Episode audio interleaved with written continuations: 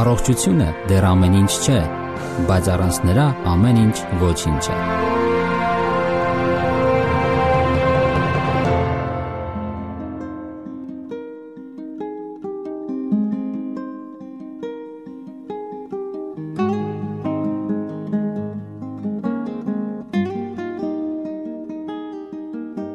Բարև ձեզ սիրելի ռադիո լսողներ։ Եթերում առողջ ապրելակերպ հաղորդաշարն է։ Անկասկած է, որ երաժշտությունը հմայում է մարդուն։ Նրա դյութիչ ելևէջները հույզերի եւ զգացումների մի ամբողջ փոթորիկ են արտնասնում մարդկային հոգու խորխորատներում։ Հետազոտողները գտնում են, որ մարդկային ուղեղը երաժշտությունից այնքան հաճույք է ստանում, ինչքան սեռական հարաբերությունից, ուտելիքից կամ թմրանյութից։ Երաժշտությունը հզոր զենք է, ազդելու մարդու ներքին աշխարհի վրա։ Այդ զենքը օգտագործում են թե բարի եւ թե վատ նպատակներով։ Այն կարող է հանգստացնել մարդու լարված նյարդերը, խաղաղություն եւ անդոր ապարգևել նրան։ Սակայն երաժշտության դիվային ռիթմերի ազդեցության տակ մարդիկ կարող են ընկնել տրանսի եւ անգիտակից վիճակների մեջ։ Եվ այսպես երաժշտություն ինչ է իրենից ներկայացնում այն։ Մենք ընկալում ենք երաժշտությունը գլխուղեղի այն այն հատվածի օգնությամբ, որը պատասխանատու է մտածողական գործընթացների համար։ Իսկ այսպես կոչված հիպոթալամուսի միջոցով այն ազդում է հույզերի վրա։ Երաժշտության հնչյունները իրենց ռիթմերով եւ ներդաշնակությամբ ազդում են մարդու կենտրոնական նյարդային համակարգի վրա, որն իր հերթին ազդեցություն է գործում պուլսի հաճախության, շնչառության, ռեֆլեքսների վրա, ինչպես նաեւ էնդոկրին գեղձերի արտադրության վրա, որոնք սթրեսի եւ սեռական հորմոններ են արտադրում։ Այսպիսով երաժշտությունը երաժշտությունը ընկալվում է ուղեղի հուզական, այլ ոչ տրամաբանական ինտելեկտուալ կենտրոնի կողմից, առաջացնելով հուզական հակազդեցություններ։ Իսկ այդ հակազդեցությունների բնույթը կախված է երաժշտության բնույթից, որը կարող է լինել հանգստացնող, առույգացնող, վեհացնող կամ ընդհակառակը։ Պետք է նշել, որ մարդիկ երաժշտական արարածներ են։ Նրանք արձագանքում են երաժշտությանը ինքնաբուխ, ենթագիտակցաբար, առանց մտածելու։ Եվ վերջապես, երաժշտությունը ազդելով ուղեղի հուզական կենտրոնի վրա համարվում է հոգևոր ուժ, ձևավորելով ունկնդրի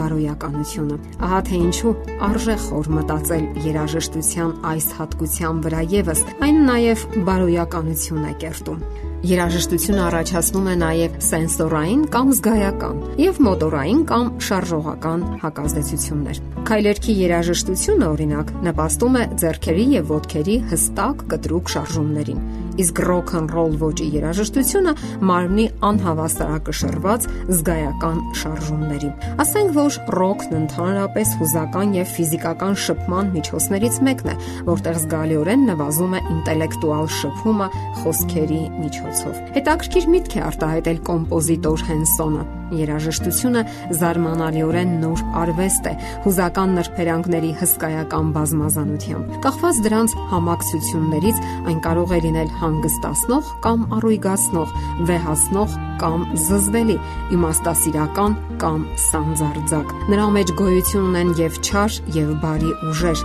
եւ նախքան նրան օգտագործելը որպես սոցիալական ուժ կամ թերապևտիկ միջոց, կարեւոր է ուսումնասիրել նրա ազդեցությունը մարդու վրա։ Ահա թե ինչու հարկավոր է զգույշ լինել երաժշտության ընտրության հարցում։ Նրա պատճառած վնասները կարող են լուրջ հետևանքներ ունենալ։ Կարող են խեղել մարդու հոգևոր ներաշխարը, որոնք կարող են պահպանվել մարդու ողջ կյանքի ընթացքում։ Մի փորձի ժամանակ մկներին բուժում էին աններդաշնակ երաժշտության հնչյունների ներքո։ Ուսումնասիրության արդյունքները ցույց տվեցին, որ այդ երաժշտության ազդեցությունից մկների մոտ զարգացան գլխուղեղի կառուցվածքային թերություններ եւ նկատվեց վարքի հետաճ։ Բացի այդ, նրանց մոտ նկատվեց նաև զարգացման կասեցում, գերակտիվություն, դյուրագրգռություն եւ ցրվածություն։ Ասենք նաև, որ երաժշտությունը օգնում է անքնությանը։ Թայվանի գիտնականները ապացուցել են, որ քնելուց առաջ 45 րոպե հանգիստ երաժշտություն լսելը օգնում է անքնության դեպքում։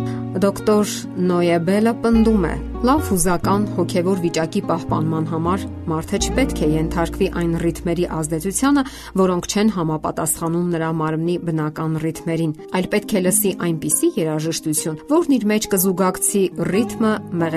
մեղեդայնությունը եւ ներդաշնակությունը։ Ներդաշնակ երաժշտության մեջ շեշտը դրվում է ճափի առաջին եւ երրորդ մասերի վրա։ Կառուցողական հնչյունը առաջացնում է հարմարավետության եւ խաղաղության զգացում եւ այդ պիսով հանում է սթրեսը։ Այդ երաժշտությունը մտքին ու մարմնին տալիս է լրացուցիչ էներգիա, պահպանում է հոգեկան հավասարակշռության եւ ինքնահսկման վիճակը։ Ավանդական քրիստոնեական երաժշտությունը սաղմոսները եւս հանում են սթրեսը, քանի որ նրանք համապատասխանում են մարդու սիրո, անվտանգության եւ փրկության պահանջմունքներին։ Նշենք երաժշտության եւս մեկ կարևոր հատկություն։ Պարզվել է, որ նա կարող է ապակինել ոչ այնքան վաղ կրած ինսուլտի հետևանքները։ Նրա օգնությամբ կարելի է ոչ միայն բարելավել տրամադրությունը, այլ նաև արագացնել հիշողության եւ ուշադրության վերականգնումը, որոնք խախտվել են հիվանդության արդյունքում։ Հելսինկիի գիտնականների անցկացրած գիտափորձի ժամանակ այդպիսի հիվանդների համար ստանդարտ բուժման հետ համատեղ կիրառել են նաև իրենց սիրած երաժշտությունը եւ արդյունքները համեմատական կարգով մեծապես դրական են եղել այն հիվանդների համեմատ, ովքեր երաժշտության փոխարեն աուդիո գրքեր են լսել։ Այդ խմբի հիվանդների մոտ ավելի դրական տրամադրություն է նկատվել։ Բարելավվել է այսպես կոչված վերբալ կամ բարերը հիշելու վրա կողմնորոշված հիշողությունը։ Ընդ որում, այս մեթոդները եւ էժան են եւ մատչելի։ Այսպես ուրեմն կարող ենք մեկ անգամ եւս շեշտադրել երաժշտության կարևոր դերը մարդու հոգեվոր ներաշխարի վրա։ Երբեմն այն անփոխարինելի է, հատկապես տրամադրության անկումային պահերին։ Ընտրեք այնպիսի երաժշտություն, որը կապահովի ձեր մարմնի հոգեվոր եւ ֆիզիկական ներդաշնակությունը եւ կտա առողջ ու դրական հույզեր։ Սիրելի ռադիո լսողներ, եթերում առողջ ապրելակերպ հաղորդաշարներ։ Այն ձեզ ներկայացրեց Գեղեցիկ Մարտիրոսյանը։